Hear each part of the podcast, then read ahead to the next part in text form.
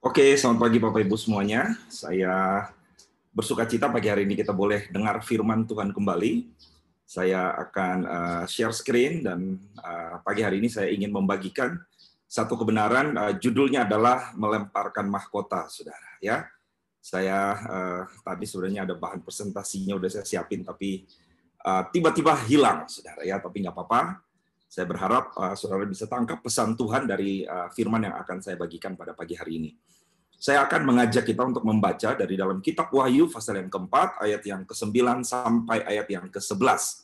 Demikian firman Tuhan. Dan setiap kali makhluk-makhluk itu mempersembahkan puji-pujian dan hormat dan ucapan syukur kepada dia yang duduk di atas tahta itu dan yang hidup sampai selama-lamanya, maka tersungkurlah ke-24 tua-tua itu di hadapan dia yang duduk di atas tahta itu dan mereka menyembah dia yang hidup sampai selama-lamanya Alkitab berkata, dan mereka melemparkan mahkotanya di hadapan tahta itu. Sambil berkata, ya Tuhan dan Allah kami, engkau layak menerima puji-pujian dan hormat dan kuasa, sebab engkau telah menciptakan segala sesuatu. Dan oleh karena kehendakmu, semuanya itu ada dan diciptakan.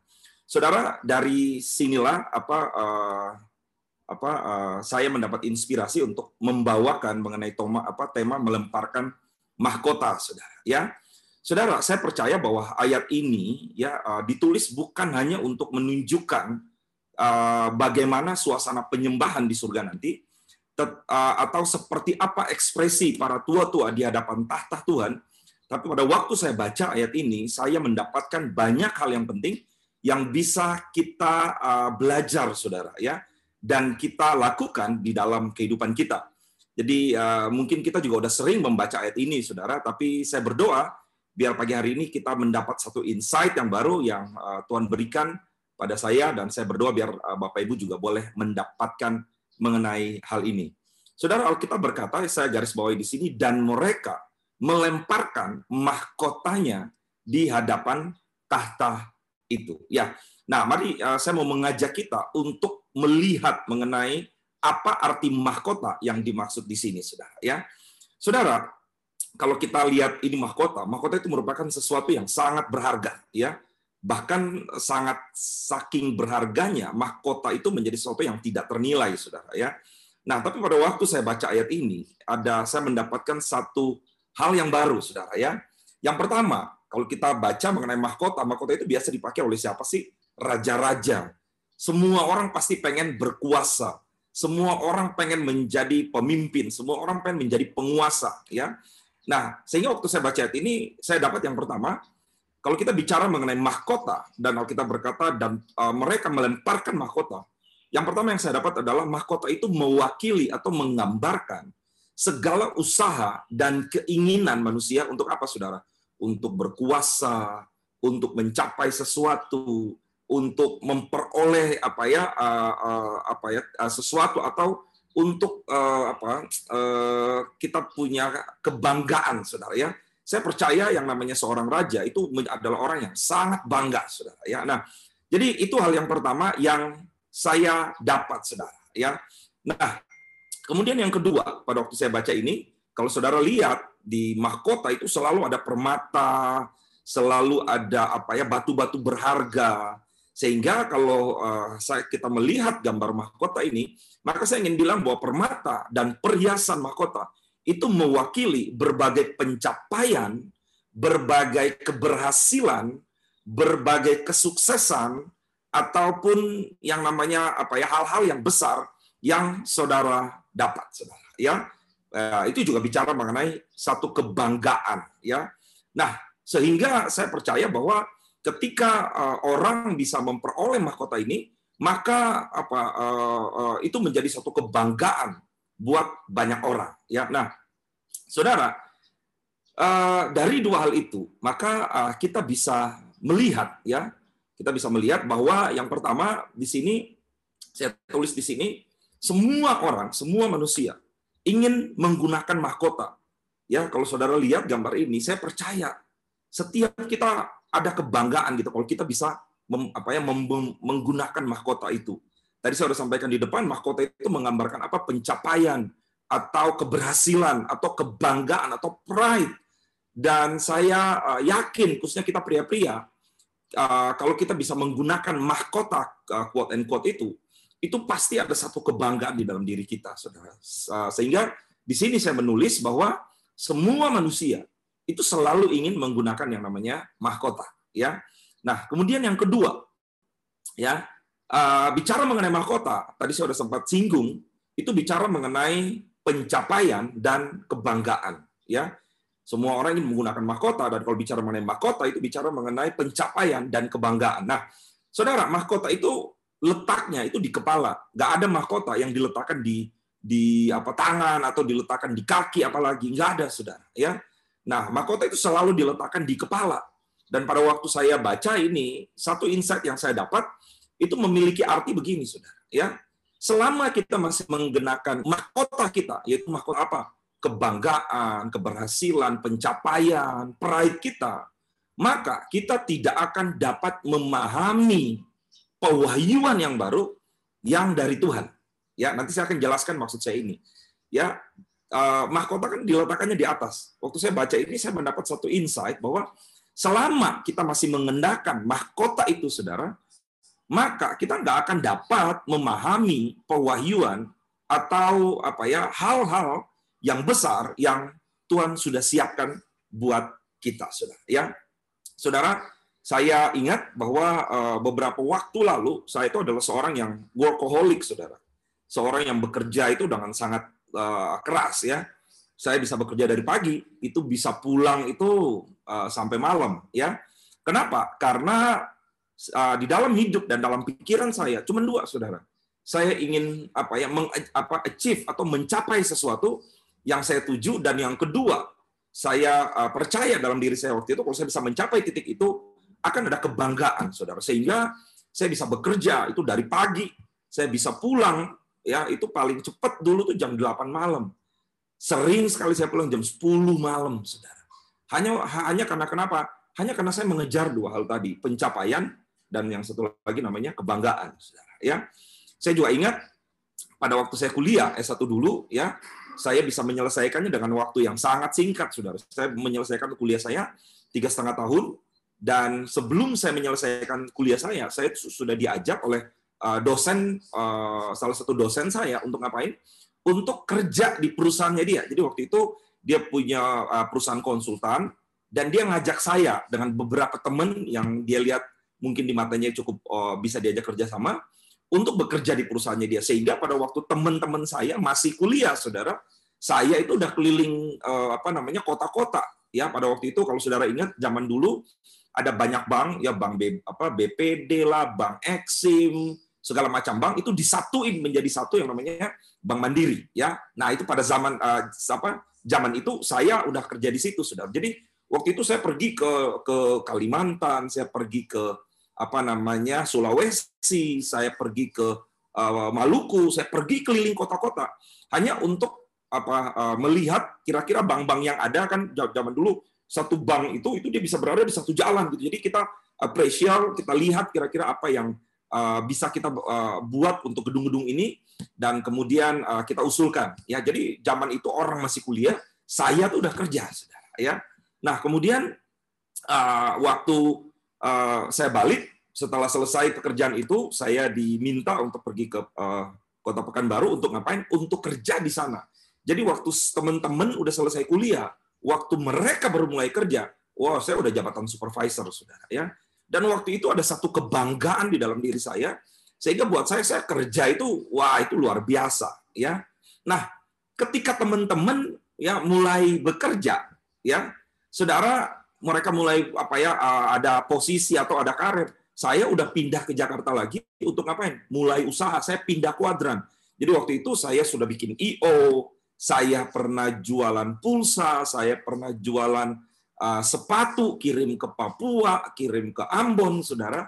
Saya jualan kue yang dibikin sama kakak saya. Saya lakukan itu. Tujuannya cuma satu, pengen dapat duit, pengen mencapai sesuatu, pengen apa ya? Sepertinya kalau saya bisa memperoleh sesuatu lebih dari orang lain, itu sepertinya ada rasa kebanggaan. Dan saudara tahu, tanpa saya sadar, hal-hal tersebut menutup saya daripada hal-hal besar yang sudah Tuhan sediakan di dalam hidup saya. Saya bisa menghabiskan waktu banyak sekali di luar tanpa saya berusaha untuk mencari tahu apa yang menjadi kehendak Tuhan. Sampai akhirnya saya kerja di apa ya di satu tempat di Jakarta, saya dipercayakan banyak hal di situ sampai saya mau apa ya ibaratnya kalau eh, orang bilang ditarik masuk ke ring satu. Di situ saya waktu itu saya sudah menikah, saya kemudian sadar kalau saya ikut apa yang menjadi keinginan eh, daging atau keinginan dunia ini, gak akan ada habisnya, saudara. Dan di situ saya belajar pertama kali dalam hidup saya untuk meletakkan apa yang menjadi kebanggaan saya. Saya mulai meletakkan apa yang menjadi uh, apa ya uh, pencapaian saya dan saya mulai belajar untuk memulai sesuatu dari nol. Itu kira-kira 4 sampai lima tahun lalu ketika saya keluar dari pekerjaan saya dan mulai merintis suatu usaha yang baru. Dari nol, dari nggak ada apa-apa, saudara, saya betul-betul memulainya dari nol, saudara. Nah, saudara, itu terjadi uh, tanpa saya apa ya mengerti mengenai ada hal yang besar yang Tuhan sudah siapkan buat saya. Se, uh, dan uh, saya bilang di sini bahwa selama kita masih mengenakan yang namanya mahkota kita, saudara nggak akan bisa melihat dan nggak akan bisa dapat hal yang besar. Karena kenapa? Pikiran kita hanya ditujukan kepada apa? Pencapaian, karir, pekerjaan, kemudian apalagi Eh, eh, kebanggaan, harga diri, semua akan kita tujukan kepada hal itu, saudara. Ya, nah sehingga itu yang terjadi di dalam kehidupan saya secara pribadi, saudara. Nah, saudara, itulah uh, apa ya? Kenapa saya apa ya? Waktu saya membaca di dalam kitab uh, Filipi pasal yang ketiga ayat yang ketujuh sampai yang kedelapan, saya mendapati bahwa Rasul Paulus adalah seorang yang ketika dia masih uh, muda dia sudah mencapai banyak hal di dalam hidupnya. Dia adalah seorang yang punya status sosial yang tinggi, dia seorang tokoh agama, bahkan pemuka agama yang ter, yang yang cukup terpandang. Dalam masa mudanya dia sudah mencapai achieve banyak hal di dalam hidupnya dia. Tetapi kalau saudara baca di dalam kitab Filipi pasal yang ketiga ayat yang ketujuh sampai yang kedelapan dikatakan bahwa tetapi apa yang dahulu merupakan keuntungan bagiku sekarang ku anggap rugi karena siapa? Karena Kristus. Malah sekarang uh, apa ya se, apa uh, malah segala sesuatu kuanggap rugi karena pengenalan akan Kristus Yesus Tuhanku lebih mulia daripada semuanya itu. Nah, kemudian dia bilang begini, oleh karena dialah aku telah melepaskan semuanya itu dan menganggapnya sampah supaya aku memperoleh Kristus. Jadi saudara, selama kita tidak melepaskan mahkota kebanggaan kita, mahkota harga diri kita, mahkota pencapaian kita, mahkota yang kita banggakan dalam hidup kita. Rasul Paulus katakan di dalam kitab Filipi, selama kita nggak melepaskan semuanya itu, dan kita menganggap itu nggak lebih berharga daripada Tuhan, maka kita nggak akan bisa memperoleh Kristus. Saudara, Kristus itu bicara mengenai apa? Kekayaan yang luar biasa. Saya nggak bicara mengenai hal yang bersifat materialis, tapi saya bicara mengenai pewahyuan, kekekalan, kemuliaan, janji-janji Tuhan, sesuatu yang besar yang sudah Tuhan siapkan di dalam diri saudara. Saudara, Alkitab menegaskan, Paulus menyadari hal ini dan dia berkata bahwa selama aku tidak melepaskan itu semua dan menganggapnya sampah, aku nggak akan memperoleh Kristus. Jadi pagi hari ini, saudara, kalau kita belajar mengenai mahkota, maka kita akan bisa melihat mahkota itu yang dikenakan, biasanya orang itu akan berusaha semaksimal mungkin untuk mempertahankan posisinya dia. Kita lihat di eh, di gambaran lah di banyak negara ataupun bangsa kita, orang kalau sudah duduk di satu apa ya kekuasaan, mereka akan melakukan segala macam cara atau hal supaya ngapain? Untuk mempertahankan kekuasaan mereka itu. Nah, tapi hari ini kalau saudara baca di ayat kita tadi, ya di dalam apa namanya uh, wahyu yang tadi, kita akan belajar, saudara. Alkitab berkata bahwa mereka melemparkan mahkotanya itu di hadapan apa saudara tahtanya Tuhan. Wow, saudara, waktu saya baca ini, kemudian saya menyadari, saudara, mahkota itu bicara mengenai apa sih? Ya, mahkota itu uh, itu bicara mengenai yang pertama, saudara, identitas. Ya, Saya percaya kalau ada banyak orang yang berdiri, orang-orang pakai baju kebangsaan, maka saudara akan dengan mudah menemukan yang mana raja. Saudara cukup lihat siapa yang menggunakan mahkota itu. Ya, jadi mahkota itu merupakan lambang apa? Lambang identitas, lambang apa ya? Eh, identitas seseorang. Orang yang menggunakan mahkota itu udah ketahuan dia pasti raja. Nah hari-hari ini tanpa kita sadar pencapaian kita itu menjadi identitas kita kemudian keberhasilan kita, sering kali itu menjadi identitas kita. Kemudian apa yang kita miliki hari ini tanpa sadar itu menjadi kebanggaan kita. Ya. Nah, kemudian yang kedua, yang tadi saya bilang mahkota itu menggambarkan apa? Pencapaian. Ya, jadi eh, hari-hari ini coba kita cek Saudara dalam hidup kita. Ya, mahkota apa yang hari ini masih kita kenakan? Pencapaian apa? Dan yang ketiga, mahkota itu bicara mengenai apa? mengenai sesuatu yang sangat berharga.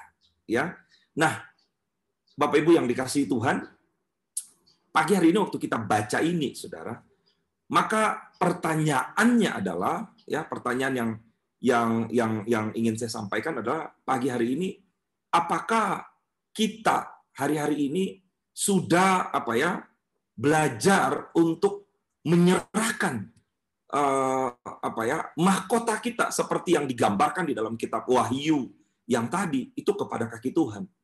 Karena yang tadi sudah udah udah sempat saya sampaikan, selama identitas kita nggak kita apa letakkan di kaki Tuhan, selama pencapaian kita, kebanggaan kita, harga diri kita, kita nggak letakkan itu di kaki Tuhan. Selama sesuatu yang hari ini kita anggap itu berharga dan kita nggak letakkan di kakinya Tuhan, saudara, Paulus mengatakan, kita nggak akan bisa memperoleh kekayaan yang lebih besar. Kekayaan yang lebih besar itu apa? Yaitu Kristus itu sendiri, saudara. Ya, yaitu Kristus itu sendiri. Ya, ini Filipi 3 yang yang ketujuh dan yang yang kedelapan dikatakan, malahan segala sesuatu kuanggap rugi karena pengenalan akan Kristus Tuhanku lebih mulia daripada semuanya itu. Oleh karena itu, oleh karena dialah aku telah apa saudara melepaskan kalau di dalam kitab Wahyu dikatakan melemparkan. Melemparkan apa? Yang mahkota. Mahkota apa, saudara? Mahkota tadi. Mahkota kebanggaan, mahkota identitas, mahkota uh, sesuatu yang kita anggap itu berharga. Ya, Karena kenapa? Paulus berkata dan menganggapnya sampah. Supaya apa? Supaya aku memperoleh Kristus. Ini adalah kunci, saudara. Ini adalah rahasia. Kalau saudara ingin memperoleh kehidupan yang luar biasa, kalau saudara ingin memperoleh Kristus, maka nggak ada cara lain. Ya, kita harus melepaskan semuanya itu. Wahyu berkata, lemparkanlah mahkota itu, saudara. Saudara, kalau kita bilang mengenai mahkota, apalagi kita lemparkan mahkota itu, saya tahu itu apa ya eh, sesuatu hal yang nggak mudah, ya. Tetapi hari ini, saudara, mari saya mau sampaikan buat kita, ketika kita melemparkan itu, ketika kita menyerahkan itu ke kaki Tuhan, satu hal yang mau saya kasih tahu, kita tidak akan pernah kehilangan itu semua, saudara. Nggak akan pernah. Dalam perjalanan kehidupan saya, saya melihat ketika saya menyerahkan apa yang menjadi kebanggaan saya, apa yang menjadi pencapaian saya, saudara, saya melihat Tuhan bisa menggantikan itu dengan luar biasa, saudara. Ya, nah oleh karena itu pagi hari ini penting bagi kita untuk melihat hal ini. Oleh karena itu, saudara, ya, yang pertama yang Tuhan mau, mari Tuhan mau kita untuk meletakkan mahkota kita di depan kakinya Tuhan. Bapak Ibu, sekarang saya mau tanya buat buat buat kita semua. Bisa nggak kita masih mengenakan mahkota kita di hadapan raja segala raja? Mungkin saudara adalah orang hebat di muka bumi ini. Mungkin saudara adalah seorang yang sukses. Tapi saya yakin di hadapan tahta Tuhan, di hadapan kalau kita baca di dalam kitab Wahyu, kalau saudara lihat bagaimana Alkitab menggambarkan tahta kasih karunia Allah, bagaimana mereka menyembah Tuhan dan bagaimana alas ambang pintu itu bisa goyang, saudara kemuliaan Tuhan turun dan semua orang sujud dan melemparkan mahkotanya. Saudara, saya mau kasih tahu, kita nggak akan sanggup mahkota kita yang kecil apabila dibandingkan di, di apa di, uh, di hadapan Allah yang agung dan luar biasa. Oleh karena itu mari yang pertama, Saudara, ya. Mari kita belajar untuk meletakkan bahkan melemparkan mahkota kita di depan kakinya Tuhan. Yang kedua, Tuhan mau kita berhat, berlatih untuk apa? Berlatih meletakkan kebanggaan kita, meletakkan apa uh, apa namanya uh, pencapaian kita selama kita di bumi. Kenapa? Karena itu yang akan kita lakukan nanti di sorga, saudara. Ya, saudara di sorga yang akan saudara lakukan adalah saudara akan menyerahkan itu semua. Penyembahan yang kita lakukan di sorga adalah penyembahan yang apa ya kita menyerahkan, kita sujud, kita membuang apa yang menjadi kebanggaan kita. Nah Tuhan mau kita berlatih itu selama kita masih ada di muka bumi ini, saudara. Amin ya.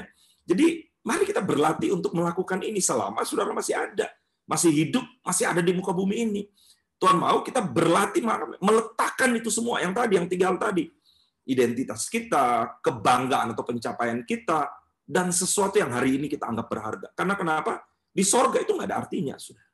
Dan yang ketiga, yang Tuhan mau adalah, yuk mari kita jadikan hal ini sebagai ibadah kita setiap hari kepada Tuhan. Amin. Roma 12 ayat yang pertama kan itu saudara-saudara demi kemurahan Allah aku menasihatkan kamu supaya kamu mempersembahkan tubuh. Mempersembahkan tubuh tuh bicara mengenai apa? Sesuatu tubuh kita ini kita berkata dengan telanjang. Aku datang dengan telanjang pula aku pulang. Jadi kita menyerahkan hidup kita yang original. Hidup kita yang nggak ada emblemnya apa-apa, nggak ada tempelan apa-apa yang nggak ada status sosial, yang nggak ada identitas, yang nggak ada sesuatu yang kita anggap berharga, Tuhan bilang serahkan yang original itu kepada Tuhan. Ya, Alkitab bilang itu adalah persembahan yang hidup, yang kudus, dan itu berkenan kepada Allah. Itu adalah ibadah yang sejati. Saya percaya kalau setiap hari kita menyadari apa ya apa yang kita punya karena Tuhan, kita menyadari pencapaian atau keberhasilan kita karena Tuhan, dan kita selalu belajar melemparkan itu ke kaki Tuhan. Kita selalu belajar mengembalikan itu kepada Tuhan. Kita selalu belajar meletakkan itu kepada Tuhan. Saudara, saya mau kasih tahu, itu adalah ibadah kita yang sejati. Itu adalah penyembahan kita yang luar biasa. Karena kenapa? Ya, saya percaya ya, tidak ada penyembahan tanpa penyerahan dan pengorbanan. Amin. Gak ada apa penyembahan, saudara tanpa kita menyerahkan sesuatu dan tanpa ada sesuatu yang kita korbankan. So, pagi hari ini saya berdoa. Hari ini mungkin engkau punya banyak pencapaian, engkau punya banyak kebanggaan. Mungkin hari ini ada banyak mahkota yang saudara pakai. Mungkin hari ini engkau punya status sosial yang tinggi. Mungkin hari ini engkau begitu apa ya eh, dibanggakan oleh banyak orang. Tapi hari ini waktu saya baca ini, ya eh, saya disadarkan Tuhan satu hal. Yuk mari saudara, serahkan itu, letakkan itu setiap hari di kaki Tuhan dan Alkitab mau itu menjadi satu ibadah. Itu mau menjadi suatu apa ya penyembahan kita karena gak ada penyembahan tanpa penyerahan dan tanpa pengorbanan. So pagi hari ini sudah apa pun identitas saudara, apa pun status hidup uh, sosial saudara, segala sesuatu yang berharga dalam hidup saudara, mari saudara, Tuhan mau kita letakkan itu di kaki Tuhan. Karena kenapa? Saya percaya ketika saudara meletakkan itu di kaki Tuhan, saudara akan melihat, saudara akan mengalami hal yang jauh lebih besar, hal yang jauh lebih luar biasa.